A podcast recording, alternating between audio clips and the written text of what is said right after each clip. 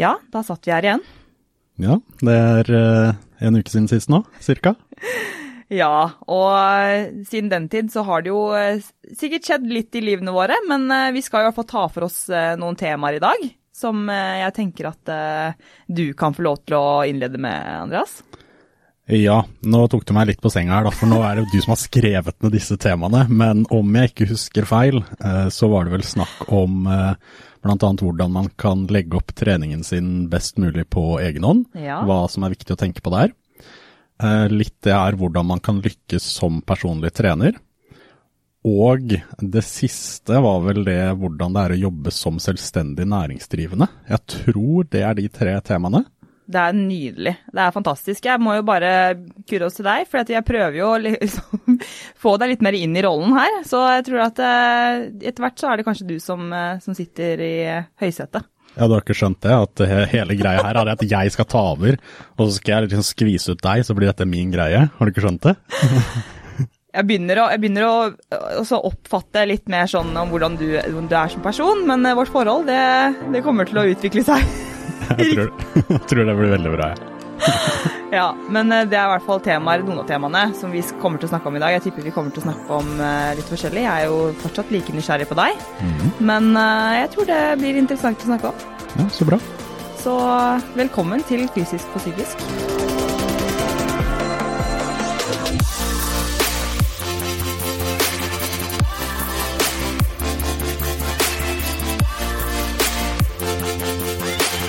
Jeg er så heldig å ha med meg tights.no på laget, som gir meg muligheten til å faktisk kunne lage denne podkasten, og det er jeg så utrolig glad for.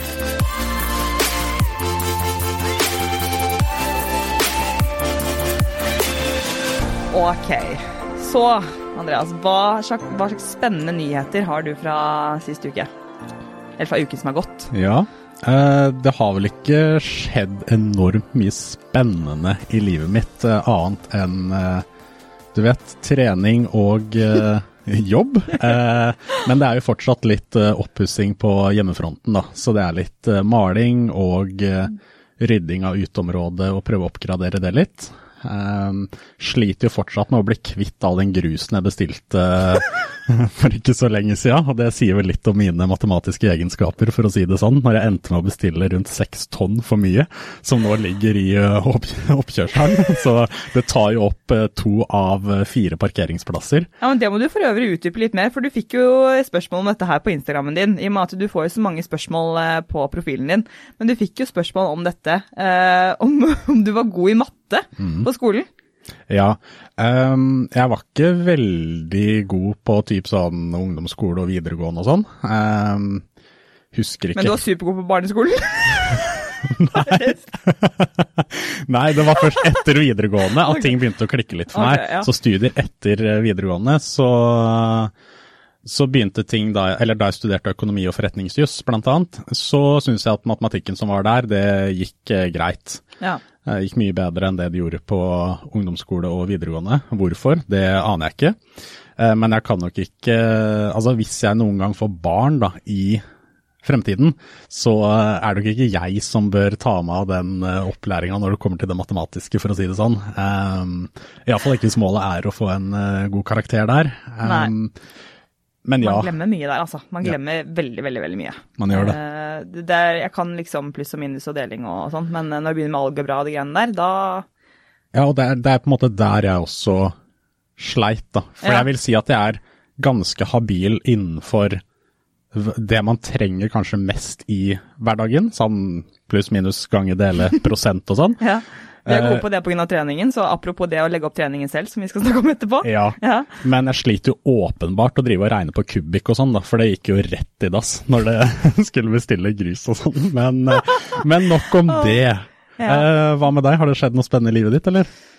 Oi. Eh, altså, jeg har eh, begynt å trene med et nytt program, blant annet. Så, så det har vært uh, utrolig gøy. Veldig høyt volum, men mye variert. Så jeg syns det har vært kjempekult. Jeg trengte tydeligvis en Eh, et sånn litt sånn eh, annen type, eller sånn avbrekk, kanskje mentalt og fysisk, og, og begynne med noe som eh, noe annet, hvor jeg ikke har en individuell coach, da, hvor det er et generelt program. så har jeg jo trent litt med flere mennesker og sånn som har gjort en altså, Som har bidratt til veldig mye, mye positiv energi uh, siste ukene. Så det har jo skjedd. og så har jeg Ja, jo, for øvrig så hadde jeg jo på, på søndag Det er hvor mange dager er det siden nå? Hvilken dag er det i dag? I dag er det tirsdag. Ja. Så i forgårs, da, Eh, jeg har jo, jeg er fortsatt ganske sliten i dag. Eh, I går var jeg dødssliten, hadde en hviledag, men eh, da var jeg også helt utmattet for flere grunner. Men på søndag så inn, altså innså jeg, så gikk det opp for meg da jeg dro inn på det gamle barndomshjemmet mitt, at det er nå solgt, og at det var tomt. og der har jeg jo egentlig bodd mer eller mindre hele livet. Så Mamma og pappa har jo prosessert dette her eh, lenge under koronapandemien, og vi har jo visst det lenge også, at de har jo tatt over leiligheten og sånn, men eh, for meg så var det plutselig sånn Oi, så jeg sto jo bare alene og hylgråt inn på rommet, og så snakket jeg med mamma, og bare det er jo litt trist, da. Hun bare ja, jeg har vært trist kjempelenge, og jeg skjønner det, men du, skal du ha de gardinene som er inne på rommet der? Jeg bare ok, det her går bra. Så, så dro jeg på trening, og så tenkte jeg, så begynte noen å snakke med meg der om det, så jeg bare vi kan ikke snakke om det, liksom, for da begynner jeg å gråte. Mm. Så hadde jeg noen sånne breakdowns. Um, men uh, så det skjønner jeg at det er sånne ting som tar på, men det er mye, mye affeksjonsverdi i barndomshjem, ja. har jeg skjønt. Ja, men det er det jo. og det er eh, Vet nå også at mamma vurderer å selge barndomshjemmet ja. og eh, lurer litt på hvordan det kommer til å være. Mm. Eh, for det er jo sånn når jeg Hun skal jo fortsatt, fortsette å bo i samme område, holdt jeg på å si, men ja. da flytte fra hus til kanskje leilighet eller noe, da. Og da er det jo sånn, og broren min bor jo fortsatt på samme stedet, eller i samme område, så jeg kommer til å være i området fremover. Og da blir det jo sånn når du kjører i de samme gatene og ja. ser huset og at det står noen andre biler der, det er andre mennesker og sånne ting, så er jo det litt rart å tenke på. Ja, det er, det, er, det er, altså så rart å tenke på alle de gode minnene som du har. Og det var jo da jeg altså knakk sammen, fikk melding av broren min og bare Jeg husker det første minnet jeg hadde hvor vi satt med julesokkene våre sammen i sofaen, liksom, med dyna, og jeg bare altså, det var så forferdelig, og folk visste jo ikke hvordan de skulle reagere, ikke sant. For jeg satt jo der og bare hulka og klarte nesten ikke å si hva jeg skulle si. si på boksen. Ja. Men nei, så eh, det har vært en, eh, ja, vært en, innholdsrik uke med mye, som sagt, eh, trening er det jo mm. alltid mye av. Eh, men eh, litt forskjellig. Og vi skal jo ta for oss mye av det som inngår i din hverdag, som er jo å, stille eller å svare på spørsmål som du får på Instagram. Og så er det jo da noen hovedtemaer som vi tenker at vi skal ta for oss. Men er det noe, noe annet du føler sånn i forhold til spørsmål du får, som som har, har uh, brakt noe oppsikt for deg, som har vært oppsiktsvekkende? Nei, egentlig ikke. Um, ikke som jeg kommer på iallfall. Så Nei. jeg tror egentlig vi kan uh, kanskje se litt nærmere på tematikken for i dag. Gå rett på det. Jo, jo, jeg vil for så vidt uh, si noe om det. For jeg så at det var noen som hadde kommentert på, eller du la ut en kommentar som du hadde fått fra vi har fått så mange fine tilbakemeldinger fra mm. siste episode, og det er jo veldig, veldig hyggelig. Eh, og vi setter jo pris på at eh, folk eh, sender inn spørsmål og sender inn tilbakemeldinger, og også kanskje gir ideer til ulike typer spalter som vi ikke har klart å finne helt ut av enda. Mm. Kommunikasjonen er litt sånn det, det, fungerer på Instagram for oss òg. Men, men, når det kommer til, til, responsen du fikk, og også rundt psykisk helse mm, Stemmer det. Ja, ja nå, det er for så vidt ting man kan snakke litt om, fordi mm Um, jeg fikk jo en uh, mail for uh, et par dager siden uh, hvor det var en som for så vidt ønsket å få hjelp med litt trening og kosthold og den biten der, men innleda da mailen med å si at han nå hadde turt å Han kalte det liksom manne seg opp, da, i, ja. i anførselstegn, at uh, manne seg opp for å ta kontakt med psykolog. Mm. Fordi han hadde hatt en uh, tøff periode, uh, og så fram til det. Og skrev jo da at uh, jeg annet var en av grunnene til at han hadde turt det, da. og det viser jo, eller det viser jo at fokus på mental helse for menn også er en veldig viktig del, da. Ja. og det er jo noe jeg ønsker at flere skal få opp øynene for. Det er, det er jo kjempebra, for du har jo blitt et uh, forbilde, mm. eh, vil jeg jo si, for, uh, for, veldig mange. Og at du får en sånn kommentar, det er veldig, eh, veldig fortjent. Ja men, si. ja, men det er hyggelig. Og det er jo det som Det motiverer jo også bare enda mer til å fortsette å jobbe på den måten man gjør, ja. når man får disse tilbakemeldingene. Ja. Og da, da, går vi jo egentlig litt inn på disse temaene også. Jeg får jo også utrolig mange flotte tilbakemeldinger, og jeg skulle jo egentlig jeg har jo screenshotta egentlig alt. Mm. For jeg tenker jo at ja, men det er jo ikke alle som syns det er greit å legge ut og sånn. Og, men jeg, jeg, blir helt overveldet, og det er jo grunnen til at jeg ønsker å jobbe som jeg gjør. Og vi vier jo veldig mye av tiden vår til jobb. Eh, så det er jo vårt liv som selvstendig næringsdrivende. Eh, og likevel så er det jo den, eh, den gevinsten vi får, at det er mye Altså det er så givende at det er grunnen til at vi, vi orker å bruke så mye tid som vi gjør av uh, hverdagen vår. Ja, ja, absolutt. Og det er uh, Jeg vil jo si at uh, egentlig disse tilbakemeldingene jeg får fra kunder, er jo den beste la oss si betalingen eller belønningen jeg kan få. Mm. Det er synd at man ikke kan betale, liksom, betale regninger med tilbakemeldinger. Ja, faktisk. For det er jo det som er motivasjonen for at jeg driver med det jeg gjør, er jo for å hjelpe mennesker til en bedre hverdag, da, innenfor om det er trening, søvn, kosthold, generell helse.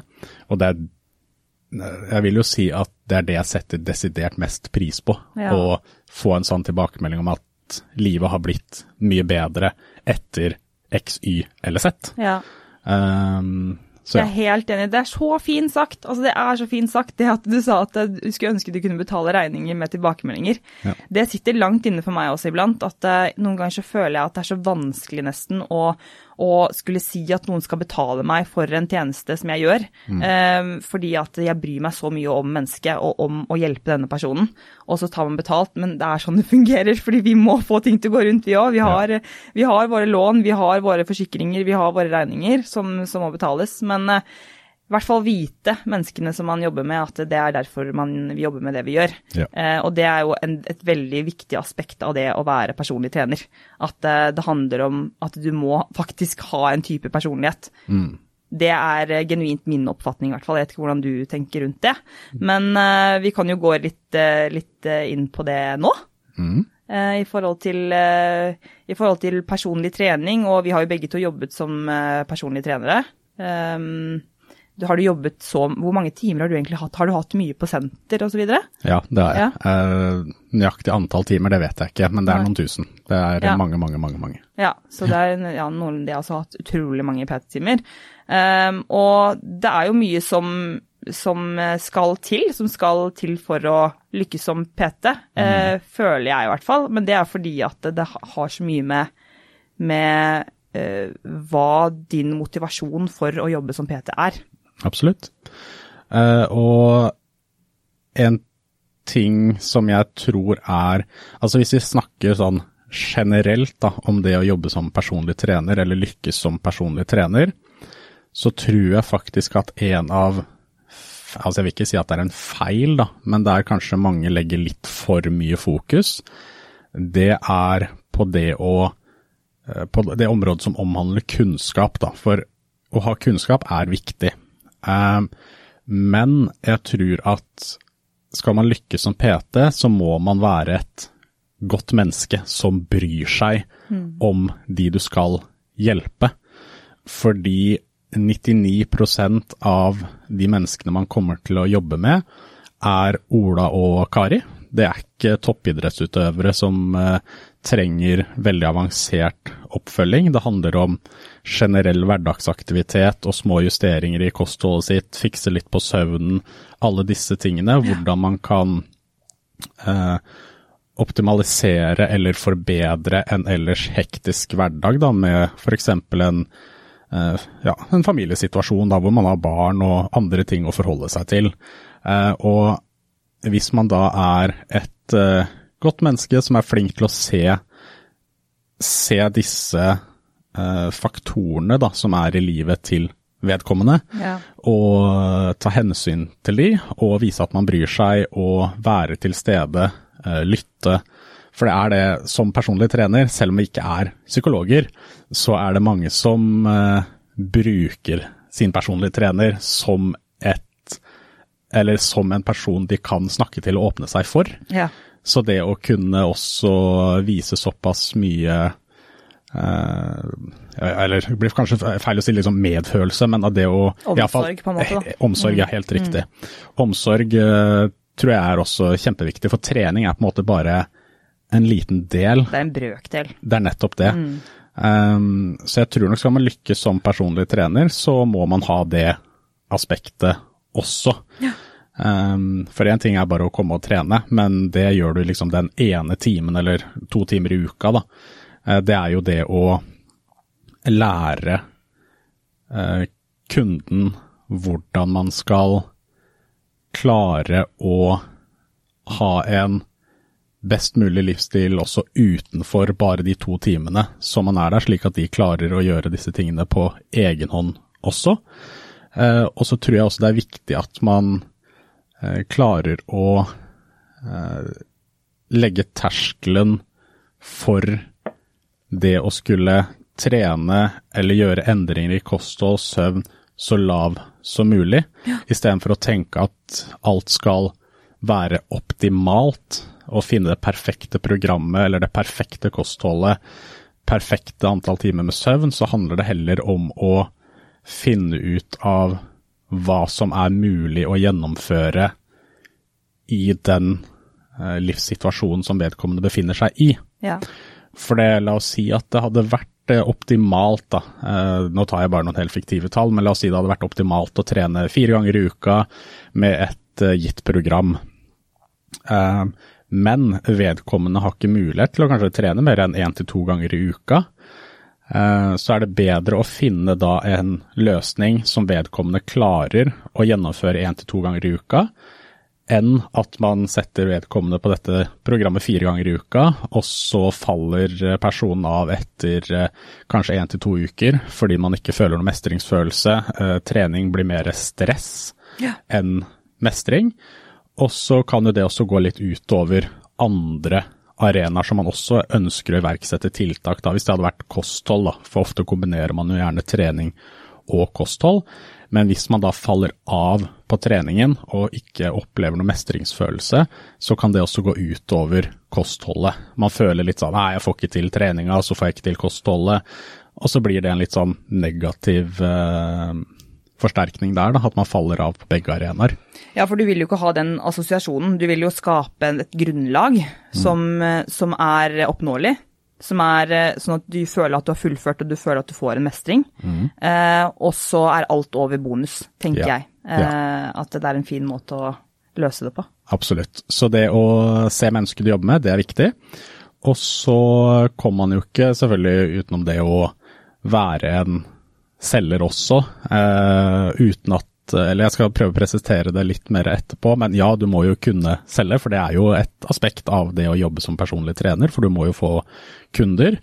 Men eh, Og der må man jo sikkert finne hva som passer for seg og sitt. Der tror jeg det skinner gjennom nettopp det jeg var inne på i stad, det med hva som din motivasjon er som en personlig trener. Så hvis du som person, at du ser at du tilsynelatende ønsker å hjelpe andre mennesker, mm og at du fortsatt selger, så går det på en måte fint. Ja, og så er det det i Når man starter som personlig trener, så tror jeg også mange er kanskje litt for um, picky da, når det kommer til det å skulle velge De tror de kan velge drømmekundene oh, yeah, sine. No, no. no, no, no. så i starten så må du jo jobbe med alt som har puls. Ja. Uh, det er Det spiller grått ut. jo, men man må jo det. Det er alt som, alt ja. som kryper og går som kommer inn på treningssenteret, må du kunne jobbe med. Mm. Du, du, har, du, er ikke i den posisjonen hvor du kan velge og vrake med, med hvem du skal jobbe med, mm. men det tror jeg også er en veldig fin ting i starten. For da får du erfaring med å jobbe med kanskje en idrettsutøver her og der, kanskje noen som har noe skadehistorikk, eh, noen som har slitt med overvekt osv. osv. Mm. Uh, og fordelen med det er jo at du sannsynligvis også finner mer ut av hva du selv trives med. Eh, hvilken kundegruppe er det du uh, ønsker å jobbe mer med? Er det de som ønsker en livsstilsendring, eller er det de som driver med toppidrett? Så i starten så må man nok ha et litt mer åpent sinn rundt eller akseptere da, at du er ikke i den posisjonen hvor du kan velge å vrake. Ta på deg absolutt alt, og ikke minst så tror jeg det er viktig, eller iallfall for min del, og så prøver jeg alltid å etterstrebe det å levere et produkt uh, som uh, Hva skal man si er bedre enn kanskje det som er forventa, uh, eller la oss si inngår i prisen, hvis man skulle kunne kalle det det. Mm. og grunnen til det er fordi det er noe jeg selv setter pris på også. hvis jeg får ekstra god kundeservice et sted, så er det noe jeg legger godt merke til. Ja. Og jeg prøver også å overføre det i måten jeg jobber på, eller da jeg jobbet som personlig trener. Mm. Så er det jo mange som tenker sånn at ja, det som inngår, det er at du kommer hit og trener én til to ganger i uka, og så ser vi ikke noe mer til hverandre før neste uke. Og selv om det er det som per definisjon kanskje inngår i kontrakten, så mener jeg det er viktig at man også kan ha kontakt med vedkommende utenfor. Ja. Og det er jo litt det der å bare Altså, trenger ikke å være store greiene, men send gjerne tekstmelding, liksom, hvis det er bare sånn ja, midt i uka da, ja, hvordan går det med deg, har du fått trent noe på egen hånd denne uken, eh, hvordan føler du det går med kosthold, mm. eh, vi snakket jo om det her med å spise litt mer frukt og grønt, hvordan føler du det går, så du er til stede for kunden også, og det, det tar deg 30 sekunder da, men det gir så enormt mye verdi ja, ja, til kunden. Ja, du spiller en veldig viktig rolle eh, i en annen persons liv. Uh, det er jo det, må, uh, det, er det du må altså, innfinne deg i når du blir en PT. Mm. At du har nå en veldig viktig rolle i en annen persons liv. Så det å liksom skulle prøve å, å nå minstekravet av det som kreves, og bare gjennomføre en PT-time, og tenke at ja, det var, det var den timen i banken, liksom. Det, det fungerer veldig dårlig som PT, og når du kommer til å skulle opprettholde dette over tid, så vil jeg si at det, det er ja, det er ikke en måte som du ønsker å, å bygge en karriere på som PT. Da må du velge et annet yrke. fordi ja. da har ikke du eh, riktig altså, motivasjon for å å skulle jobbe innenfor dette yrket. Fordi det er, som sagt, så er det en eh, rolle som har en veldig stor påvirkning. Eh, og det, det kan gå begge veier. Um, så, så jeg, vil, jeg, vil, si at det, Jeg også er veldig, veldig, for det at du Når du tar Altså, jeg også startet jo med å bare ta på meg så mye kunder som mulig. Uh, og jeg skjønte jo litt med det i forhold til at uh, du lærer veldig mye av det også, i forhold til hvordan du ønsker å bygge din hverdag. Fordi vi har jo fleksitid, kan vi jo kalle det, som, mm. uh, som PT eller som selvstendig næringsdrivende. Eh, så du må styre tiden litt selv, men du kan jo fort Jeg merket jo at jeg fort kunne bygge meg opp og hadde sinnssyke dager eh, hvor det bare var altfor mye. Eh, og jeg fant jo ut at jeg vet hvordan type person jeg er, men jeg, begynner, jeg skjønte det ikke før jeg gikk på et par smeller. Mm. Fordi du tar på deg liksom masse kunder, så jeg hadde Og problemet mitt er at det, um, i, i, sammenheng med det du sier, da, i forhold til det at du skal ta um, du ønsker å prioritere kunden, og du ønsker å legge en mer verdi i det, i hver kunde. For meg så ble det altfor mye å skulle gjøre det med så mange mennesker. Mm. Og det fant jeg veldig fort ut av. At jeg kan ikke ha så mange PT-timer. Jeg kan ikke være en av de PT-ene som har mellom 10 til 15 PT-timer om dagen. Det funker ikke. Eh, fordi at eh, for meg så blir det, føler jeg da at jeg har ansvaret for alle disse menneskenes liv. Ja, ja. Og at jeg ønsker å stille opp for dem, ikke sant. Jeg ønsker å være der for dem. Og jeg ønsker å kunne si til kundene mine at du, send meg melding hvis det er noe, oppdater meg, oppdater meg gjerne på dette. For vi snakker jo om veldig mye annet på timen, imens vi mellom settene og liksom eh, holder, holder, det gående i forhold til eh, hverdagen og livssituasjonen og hvordan søvnen har vært og, og hele pakka. Men men det er litt, eh, litt uh, viktig å finne, først og fremst finne uh, ut hvordan din hverdag ser best ut i forhold til hva du føler at du Hva som er dine behov, først og fremst. Så sette de først, for du har jo dine egne behov også, som en personlig trener. Sånn at ikke det går over at du bruker for mye energi i jobben, så du har ikke energi til å rett og slett bare være og kunne gjøre det du liker å gjøre. Mm. Um, og så blir det jo litt Eh, på den andre siden at man ønsker å sette grenser også. Fordi at det kan jo fort være at man eh, I hvert fall jeg har funnet ut etter et par smeller, jeg har gått på veggen et par ganger hvor man har blitt utbrent. Eh, fordi at jeg føler Det tror jeg er fordi at jeg er så um, Ja, at jeg er veldig empatisk, og at jeg tar på meg veldig mye ansvar. Um, men at det er viktig å være en person som bryr seg, men vite også hvor grensene dine er. Mm. I forhold til den personen du skal jobbe med. Fordi at uh, det kan jo fort være at det er en person som også blir avhengig av deg. Ja, ja. Så absolutt. Ja. ja. Nei, jeg har jo opplevd det, opplevd det selv også. Um, men for å gå litt inn på det her med når du starter som personlig trener fersk, da. Mm. Uh, så tror jeg man også må være forberedt på å uh, være mange timer på et senter samt til å starte med, mm -hmm. Og at eh, arbeidstidene kan være også litt kjipe. Fordi eh, nå er det ikke, Jeg veit at ikke alle som er enig med meg her, men eh, jeg er jo det der med Eller i starten iallfall er min erfaring og en del av de jeg snakker med, er at du må egentlig tilpasse dagen din etter når kundene dine kan, ja, ja, ja. kan eller kan ha timer. Mm, mm. Men når du etter hvert får flere kunder og blir mer erfaren, så kan man switche på de rollene, og du stiller krav til kunden. på en måte. Jeg kan bare klokka fire, ja. og det er take it or leave it. Ja, for det er jo der vi er nå, ja. ikke sant. Men, så, eh, mm. for, men i starten eh, så, så, husker jeg da var det ja, plutselig så hadde jeg noen timer klokka seks-sju om morgenen, så hadde jeg ikke neste før klokka tolv, og så Nei, ja. hadde jeg ikke før klokka fire, og så hadde jeg klokka åtte på kvelden. Så det, og så var det sånn, ja, skal jeg være på senteret hele tiden, eller skal jeg bruke tid på å dra hjem? Altså. Så det var litt sånn kaos til å starte med. Ja. Og det tror jeg man må være litt uh, forberedt på at det kan være også. Men her er det jo forskjell da, på om man er uh, en uh, personlig trener som er nyutdanna og er 18-19-20 eh, år, som ikke har noen andre å forholde seg til, eller om man eh, starter PT-karrieren som eh, 30-40-åring, familie, hele den biten der, så kan man kanskje ikke eh, ha PT-timer noe annet enn på ettermiddag eller tidlig og sånne ting. Så ja. da man er ikke like fleksibel som en uh, 18-19-20-åring kanskje ville vært. da. Nei, så det avhenger jo også litt av hvilken alder man er i og sånn når man starter å jobbe som personlig trener. da. Ja. Men ja. Vi snakker jo ut fra våre personlige erfaringer, uh, og jeg er helt enig i deg at uh, når jeg sier at, at jeg har gått på et par smeller, så er det fordi at det mener jeg var verdt det. Mm. Fordi at du må erfare det. for jeg ønsket å gjøre det bra innenfor Eh, innenfor denne bransjen, fordi at jeg rett nettopp ønsker å hjelpe mennesker. Det, var jo min, det er min hoved, mitt hovedformål med jobben jeg gjør.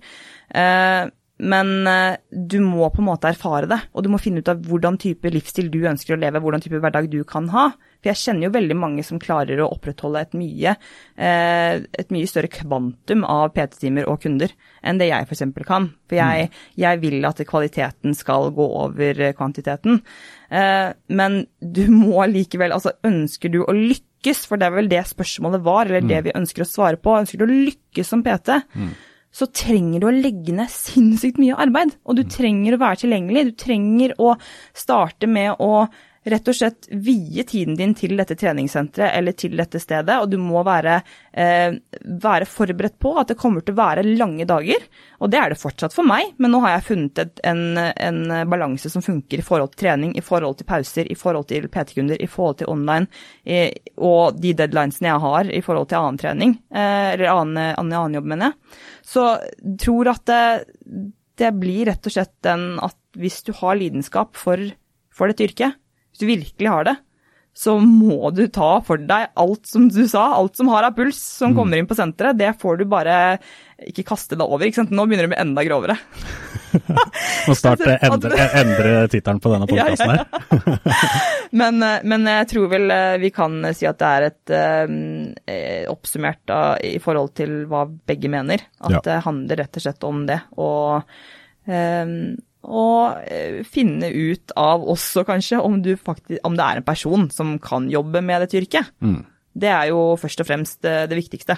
Ja, og det, det, er jo det som er litt synd også med, med yrket. Man ser jo at uh, tror det er rundt en 80-90 eller noe av de som starter som personlig trener, forsvinner etter ett år. Ja. Så det er jo, men det er jo for så vidt en annen, annen diskusjon, da. Men ja. Uh, ja. Ja, men det, det, ja, det, er en annen diskusjon, det også. Men at det finnes veldig mange PT-er. Så det er viktig å være litt, når det gjelder å velge PT, mm. å være litt Ja, ikke sta, men at du, du, må, du må være litt hva er ordet jeg skal frem til? Eh, At man gjør research på hvem ja, man velger? Ja. Eh, litt, litt eh, kresen og litt Å, hva er ordet? Kritisk. Litt mm. kritisk. Være kritisk til både kilder, det liker jo vi å snakke mye om i forhold til kildekritikk, men det å være kildekritisk til mennesker også, ja. er, tror jeg er, er veldig, veldig, greit. Trenger ikke nødvendigvis være på papiret, fordi at noen er rett og slett bare veldig gode mennesker. Så gå med magefølelsen også, ja. tror jeg er viktig. Mm. Yes. Jeg føler at eh, det er eh, Vi går jo innom PT, PT-yrket mm, nå, og hvordan det er å lykkes som PT. Men det er jo forskjellige måter. Noen er jo ansatt mm. på et senter. Jeg starta i hvert fall som ansatt. Jeg vet ikke hvordan du starta? Jeg startet som ansatt, ja. ja. Mm. Eh, og så etter hvert gikk jeg over til å bli selvstendig næringsdrivende. Mm. Eh, hvor mange år jobbet du som ansatt? Eh, ja, hvor mange år var det, da? Ja? Kan ha vært en fi, tre, fire? Mm. Ja. Tre, tre ja. kanskje. Hva var ditt uh, Hva var liksom uh, ditt hoved... Uh, eller hva var formålet med å bytte til selvstendig næringsdrivende? Um, jeg tror nok motivasjonen var Det var flere ting. Det var blant annet mer fleksibilitet og frihet, i form av at jeg kan bestemme når jeg selv vil jobbe. Uh, vi kan jo komme litt tilbake til det her etterpå, da, for mange tenker ja, selvstendig næringsdrivende, du trenger nesten ikke å jobbe i det hele tatt, du kan ha fri hele tiden. Ja, den det. ja, ikke sant. Det, men det kan vi komme tilbake til etterpå. Ja, ja. Um, så ja, det var det med friheten. Og så var det det at jeg alltid har hatt lyst til å skape noe selv og ha eierskap til noe. For mm. det gir meg mye motivasjon og glede når jeg jobber. Ja. Eh, så det er, for min del så var det nok primært de to tingene som var hovedmotivasjonen. Jeg vet ikke med deg?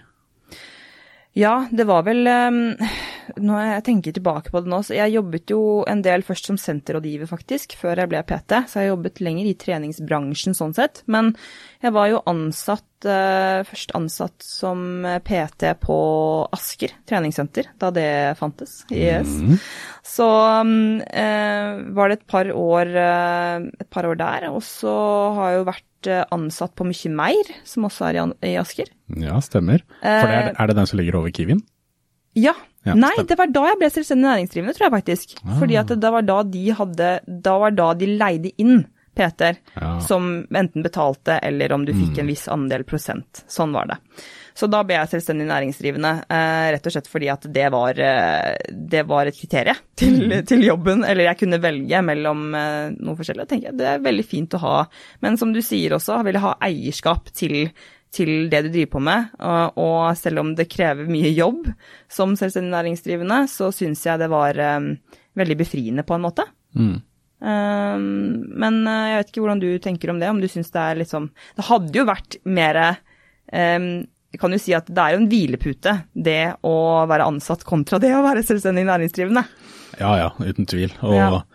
det er jo egentlig litt, egentlig litt rart at jeg jobber som selvstendig næringsdrivende, fordi en av de tingene som er aller viktigst for meg i livet, det er økonomisk sikkerhet ja, og økonomisk trygghet. Jeg òg. eh, og det spill, det går jo ikke helt eh, si hånd i hånd når det, man jobber som selvstendig næringsdrivende, for du har jo ikke noe fast inntekt i det hele tatt. Nei. Alt uh, beror jo på egentlig det du kan levere. Mm. Og, men det også syns jeg er litt motiverende som regel, da. For går det bra, så er jo det som regel en indikasjon på at det du leverer også er eh, relativt greit, iallfall. Ja, jeg tror syns det har bidratt med veldig mye selvdisiplin, i hvert fall for min del, og mm. veldig bra arbeidsmoral. Ja. Fordi at eh, du må jobbe for å skape verdi. Det er nettopp det, og jeg tror at mange ønsker jo å kunne drive for seg selv. Jeg tror mange har det som en litt sånn Ja, jeg har også det for meg. Ja, mm. har det som en litt sånn drøm. Men jeg tror man skal være såpass ærlig og si at uh, uten at liksom du og jeg skal, eller man skal fremheve seg selv som et sånt der uh, mye bedre menneske og perfekt menneske. Jo, vi har plukket eksemplene. så er det ikke det det handler om, men jeg tror man kan være såpass ærlig og si at det å jobbe som selvstendig, det passer ikke alle. Nei. Uh, for jeg tror det er litt med mennesketype, hvordan man er. Du må være ganske robust hvis du skal lykkes, i hvert fall. Ja, det er det, men så er det også det her med å være eh, strukturert og følge en timeplan, liksom. Følge opp ting. Du er jo som regel litt avhengig av om man har en regnskapsfører eller ikke, men det er mye å sette seg inn i. Altså man betaler skatt, og det er regnskap, og det er Eh, du må jo egentlig ta for deg alt av eventuell markedsføring osv. osv. Så, videre, og så, videre. så det er jo mange sånne ting man ikke nødvendigvis tenker så mye over, men mm. som også inngår i det her å jobbe som selvstendig. da. Ja. Um, og jeg tror også mange, eller mange har litt uh, feil motivasjon også kanskje, da, for det å drive for seg selv. For jeg tror mange tenker uh, mest på friheten. Altså, og ser på frihet som fri, men det er jo ikke det det betyr. Eh, friheten er jo det at du heller kan jobbe litt mer som du vil. Ja. Eh, og det er mye jobb som selvstendig næringsdrivende. Mange, mange timer. Det er ikke åtte til fire det er nei, snakk om. Nei. Men det, så, det, som er digg, er jo at hvis du har lyst til å sove litt lenger en dag fordi du er sliten, så kan du gjøre det. Og så kan du starte arbeidsdagen klokka eh, ti da, istedenfor klokka syv eller åtte. Eh, mm. Så det er jo sanne små ting, men igjen, antall timer du jobber vil jo sannsynligvis være det samme. Ja. Og så kan du ta deg litt fri midt på dagen kanskje, hvor du tar en treningsøkt, eller hvis du må plutselig dra på butikken og kjøpe noe, så kan du gjøre det. Men det er jo fortsatt mange timer som skal jobbes, så jeg tror det kanskje er en ting folk eh, misforstår litt også. Ja, misforstå er jo Det er et godt ord å bruke. Jeg tror eh, Jeg får jo ofte den ikke slengt etter meg, men det er veldig dukker opp noen kommentarer iblant hvor det er litt sånn Å, det, så, det ser så behagelig ut å ha den livsstilen. Og så mm. for det første, jeg har jobbet meg jævlig hardt opp for å komme til det stedet når jeg føler at jeg har en balanse. Mm. Og jeg føler at nå, ok, det her er min optimale jobbhverdag og min hverdag som både atlet eller med trening og, eh, og jobb. Men det er altså det er noe med det, og jeg jobber stadig til stadighet med det. Å koble av er ikke lett.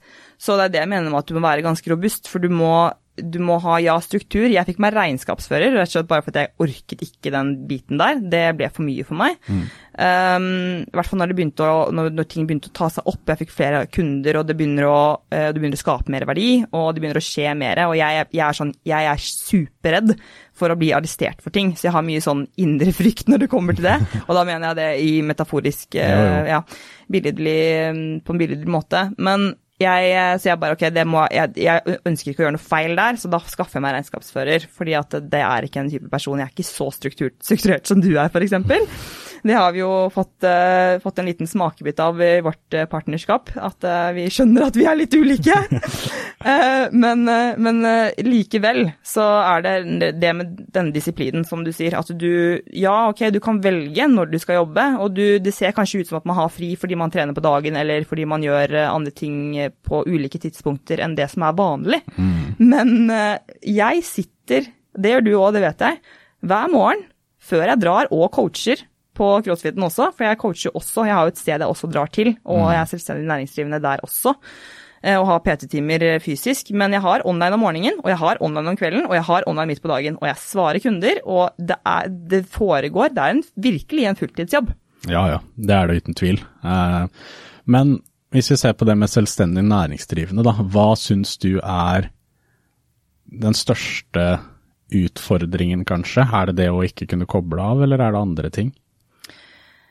Ehm, det er litt det du var inne på i stad også, at jeg er, veldig, eh, jeg er veldig glad i økonomisk trygghet. Eller jeg, jeg, er redd for, som sagt, å bli arrestert for ting. Og jeg, veldig, jeg har veldig ønsker, ha, ønske om å ha en trygghet og sikkerhet økonomisk, da. Mm. Um, så det å få seg en eh, først og fremst en leilighet å komme seg på boligmarkedet. Det var check one. Det var veldig behagelig. Da følte jeg at jeg kunne senke skuldrene. Men så ble jeg jo litt stressa også i forhold til at ja, men herregud, jeg har, fått, jeg har fått et lån. Det er jeg jo så takknemlig for. Men så må du jo opprettholde dette her også. Men jeg, jeg har ikke vært, følt på den frykten på lenge. Men fordi at nå har jeg på en måte en ganske stabil og jevn inntekt fordi at jeg har flere områder og flere ting som jeg vet at eh, jeg får det til å gå rundt. da. Rett og slett fordi at du har måttet jobbe deg opp så mye. Så du, er vant til å jobbe masse. Eh, det var på langt nær sånn for noen år tilbake det tok sin tid å komme seg inn i den rollen hvor du føler at du begynner å se at det er stabilt på, på, de, på det du får av inntekt, for å si det mildt. Eh, men eh, akkurat per nå så tror jeg faktisk det er eh, som du Altså avkoblinga. Mm. At det er et, den der å finne den Spesielt den mentale avkoblingen. At du klarer å legge fra deg jobben. Og at du Vi snakket jo om dette her litt før vi spilte inn også. At det, litt den at jeg vet at ja, jeg kan koble av, men problemet mitt er at jeg klarer ikke å legge fra meg den andre tanken, som er at det, det er enda mer jeg må da gjøre dagen etter. Mm. Eller når jeg først går tilbake og skal sjekke mailinnboksen, eller jeg skal sjekke at da, da vet du at det, det, bygger seg opp, da. Mm. Uh, men det er jo en utfordring som jeg tror at vi skal ta for oss, og det skal vi jo snakke om i en annen episode, tenker jeg. Ja. Tror jeg at vi skal ta for oss litt i forhold til det å ta fri, og også det nå som det snart er sommerferie, og snakke om viktigheten av det mm. med, med, fri, og der, der jeg tror jeg vi må bare litt uh, Ja, vi, kanskje, vi skal, uh, kanskje vi skal luke ut noen tips og, erfaringer fra, fra, lytterne. Ja, det tror jeg er sant. Bedre, for at vi skal bli bedre på det. Um, ja. Så ja, i forhold, til, i forhold, til, det så har jeg følt at vi har oppsummert uh, oppsummert det egentlig ganske bra, også i forhold til det med å være selvstendig. Mm. Um, så ja. Da føler jeg at vi kan snakke litt om dette med å legge opp treningen. Fordi nå, nå Jeg har i hvert fall lagt opp min trening til tider alene, på egen hånd. Mm. Uh, og det må du jo nesten litt hvis du ønsker å, å, utvikle deg som PT også. fordi at nettopp dette med utvikling som personlig trener, eller i det yrket vi er, da må du faktisk være ganske sulten på å lære ny, og, å lære ny kunnskap eller få ny kunnskap. Mm. Det er ekstremt viktig. Eh, så alltid liksom prøve å, å mm, kurse seg, prøve, prøve, ut litt selv i praksis. Eh, prøve å lære noe nytt. Melde seg på kurs eller online eller hvor det, hvor det måtte være. Og alltid føle at, i hvert fall jeg føler i hvert fall det, at jeg har disse treningslærebøkene og sånn hjemme. Treningslære og styrketrening for hva heter den igjen?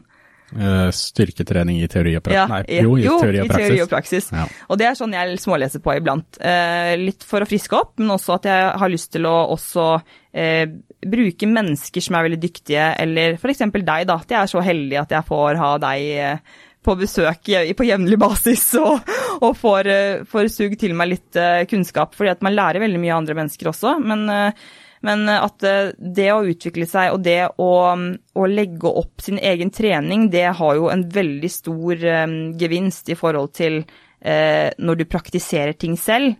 Jeg er i hvert fall veldig for det, at jo mer du praktiserer trening og kjenner på øvelser, kombinasjoner osv. selv, og vet og har erfart det, så er det jo veldig mye mer kredibelt å gi det til en kunde. Mm. Um, så det å legge opp treningen selv, det er jo eh, en veldig Ja, du, du, kan jo befinne deg litt på farvann nå. Jeg vet ikke helt hvordan, om du har gjort deg opp noen tanker der? Nei, altså først og fremst så er jeg veldig enig med deg i det du sier, at man bør erfare selv hvordan ting er. Mm.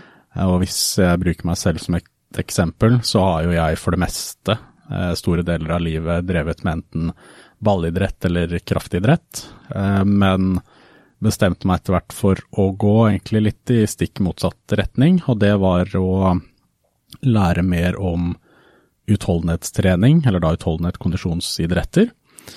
Og én ting er jo det å lese om det, mm. og få den teoretiske kunnskapen, men jeg vil jo også vite hvordan den det teoretiske fungerer i praksis. Hvordan det føles på min kropp og altså ta terskeløkter, da liksom. Altså hvordan føles en terskeløkt ut? Mm. Eh, hvordan kan man bruke laktat f.eks. For, eksempel, for å måle intensitet? Hvordan føles de ulike sonene ut på kroppen osv. osv. Slik at jeg får både den praktiske og den teoretiske biten sammen. Eh, så det er jo absolutt viktig at man eh, får kjent litt på kroppen også hvordan, hvordan ting føles. Men hvis man snakker om um, Ola og Kari da, som skal legge opp treninga si selv, så syns jeg at uh, mange har en tendens til å gjøre ting veldig avansert, eller da komplisert, istedenfor å tenke veldig enkelt. Um, og det skyldes jo kanskje at eller ikke bare kanskje, det skyldes at man har mangel på kunnskap. Man vet ikke hvilke muskelgrupper som jobber i ulike bevegelser Nei. eller øvelser. Nei. Så man ender jo da med å kanskje trene 14 øvelser på bryst, liksom, selv om man ikke tenker over at uh, man gjør 14 forskjellige øvelser, da, men alle går på bryst og triceps eller hva det enn måtte være. Ja. Uh, og det er jo litt uh, dumt å ha en bryst- og tricepsøkt, liksom, hvis man kan trene to ganger i uka. Da vil det være mye bedre å kjøre to økter med full kropp, f.eks. Ja. Men da er det jo det hvilke øvelser er det man kan implementere i en fullkroppsøkt, f.eks. Um, ehm, og hvis man bryter ned uh, bevegelser da, på en veldig enkel måte når man skal finne øvelser som passer, Um, og nå ser jeg liksom bort ifra eventuelt sånn skader og sånne spesifikke ting man må ta hensyn til, da. så nå ser jeg for meg et helt uh, friskt, normalt individ som kan utføre alle øvelser. Mm. Så pleier jeg å dele det inn i primært fire hovedbevegelser, da. Og det er jo uh, å finne én øvelse som uh, medfører at det er en stor bevegelse i kneleddet. Altså det er en Eh, knedominant bevegelse. Og det kan jo være alt fra en beinpress eller en knebøy, frontbøy, utfallsvarianter, hvor vinkelen på kneleddet eh, endres under selve utførelsen. Ja. Så det er jo den ene bevegelsen, altså finn en øvelse hvor det er stor bevegelse i kneleddet. Så kan vi bevege oss ett hakk opp, hvor vi da kommer til hoftepartiet, og finne en øvelse hvor det skjer en stor bevegelse bevegelse i hofta. Og det kan jo også være en knebøy, for når du setter deg ned i knebøyen, så skjer det jo Du endrer jo vinkelen i hofta ganske mye fra når du står oppreist til når du sitter nede. Men andre alternativer kan jo også være rumensk markløft, eller da strakmarkvarianter, mm. hvor du går fra en oppreist posisjon til en ganske sånn fremoverlent og knekt posisjon. Så da har du en øvelse hvor det skjer en stor endring i, i um, vinkelen i hofta vår. Ja.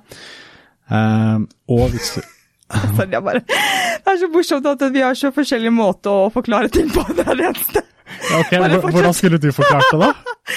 ja, Det er bare veldig gøy å bare bli bedre kjent med i forhold til hvordan du snakker om kneleddet og hofteleddet og sånn, at jeg hadde sikkert uh, mest sannsynlig formulert meg på en annen måte. Bare fordi at du er mer analytisk enn meg. Men du må bare fortsette. Jo, men det er sånn jeg, For det er sånn, hvem er det som egentlig lytter på denne podkasten? For man kan jo bruke alt av fleksjon og ekstensjon og alt mulig rart, men det er ikke sikkert alle forstår hva det er. Så jeg tenkte det at vinkel i hofte og kne endring der er kanskje enklere å forstå. Ja. Eh, det vet jeg ikke, men det samme det. Eh, Nei, altså jeg mener at jeg hadde gjort det, ikke at jeg hadde begynt med sånne latinsk slang nå, liksom, men at jeg bare tenker at det er veldig gøy å høre deg snakke, for du, så, du snakker så formelt om det også, så jeg, jeg syns det er bare interessant. Men jeg er fortsatt nysgjerrig. Fortsett videre. Hvordan skal vi legge opp treningen vår? Da har vi knebøy, vi har hoftebøy. Ja, ja. så eh, kan vi bevege oss litt opp igjen, og da er vi jo på overkroppen. Mm. Og da kan man dele det inn i bakside og fremside, da, som regel.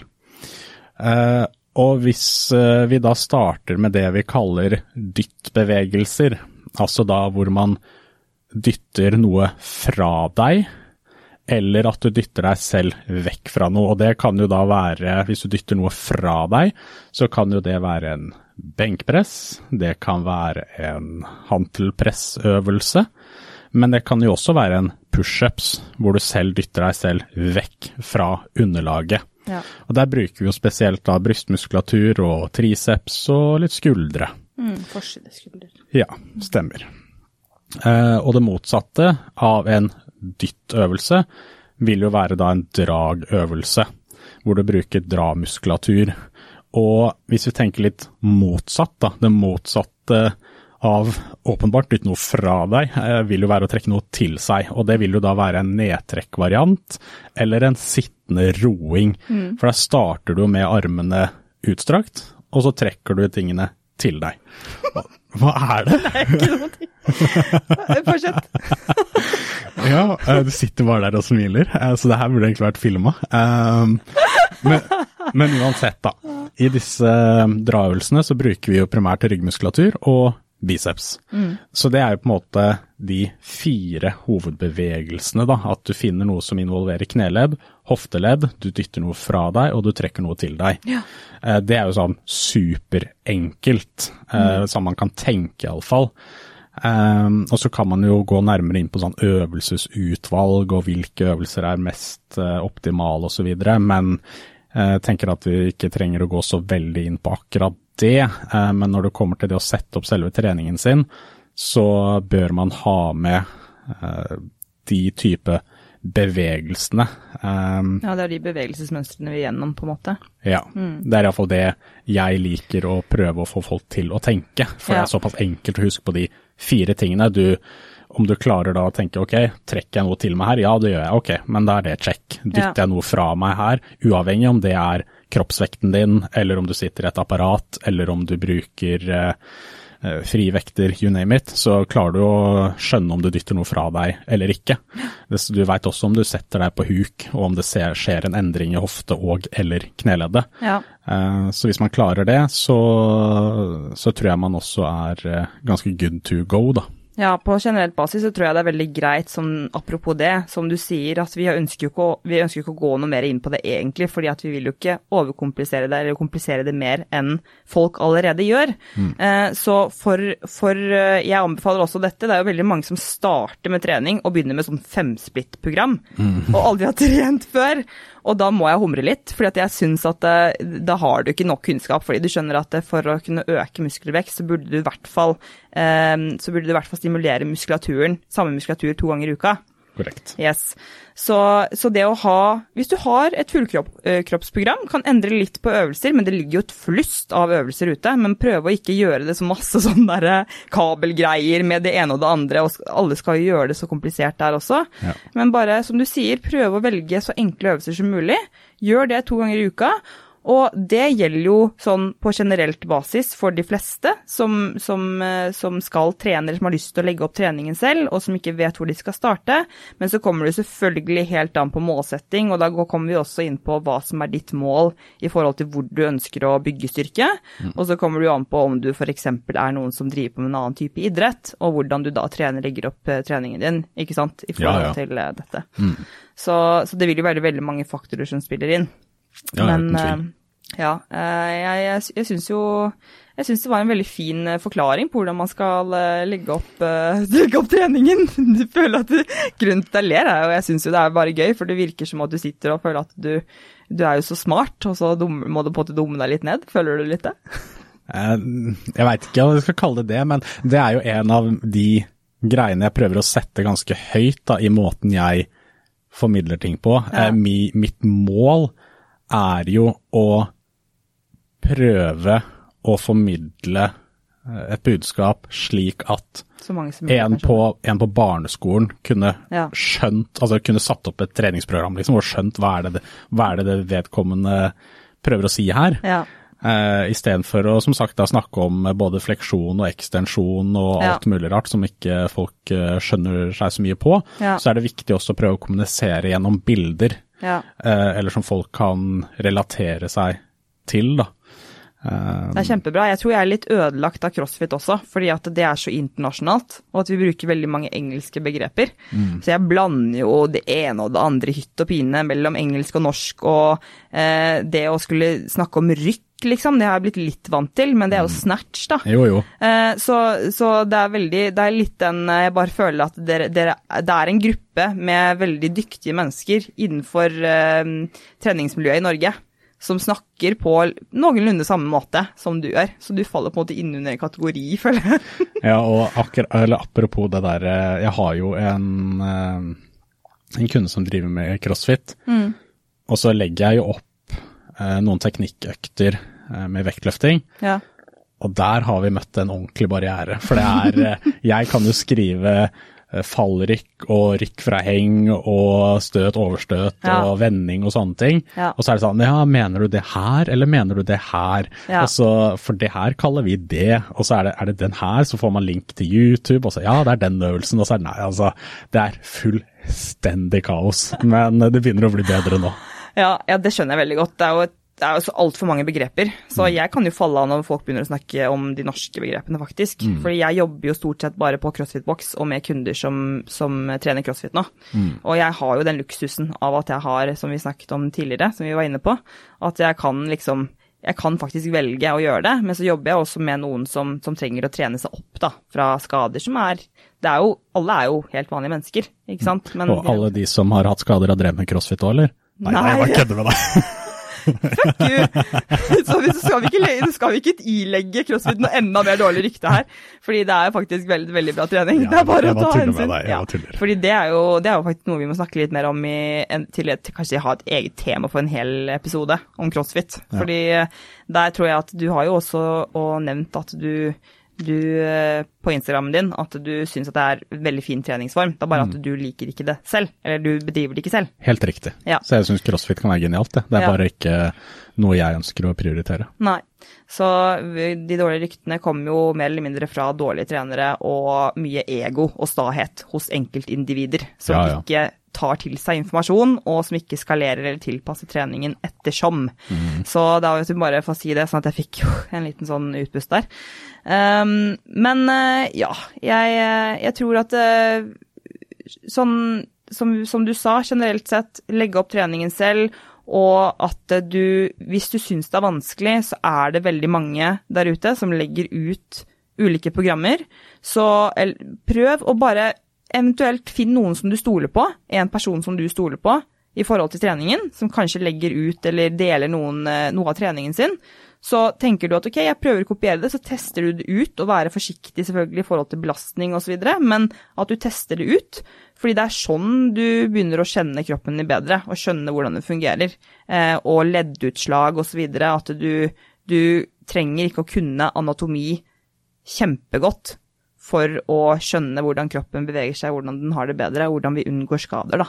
Mm. Så, så, jeg tror det er litt det å, å finne liksom en, en pålitelig person som, som, du stoler på, og så eh, prøve å kanskje eh, ja, prøve, prøve, seg litt frem, men, eh, men jeg syns du har gitt de veldig riktige retningslinjer.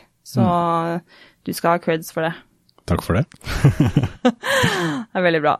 Eh, jeg føler at um, vi uh, kan oppsummere litt, eller sånn avslutningsvis, så tenkte jeg jo egentlig også at det hadde vært litt kult og sånn på sparket, bare at vi skulle gi For det tenker jeg kan være en fast greie. At vi skal annenhver uke gi en utfordring til hverandre som vi skal gjennomføre. Ok. Ok? Mm. Og så er det noe som lytterne også kan være med på. Ok og at de kan dokumentere det. Mm. Og tagge oss på Instagram. Ok. Ja. Ok? Ja. Så da tenker jeg at uh, du skal få lov til å gi den første utfordringen denne uken. Ja. Jeg elsker å utfordre deg, så jeg utfordrer deg med at du skal gi utfordringen.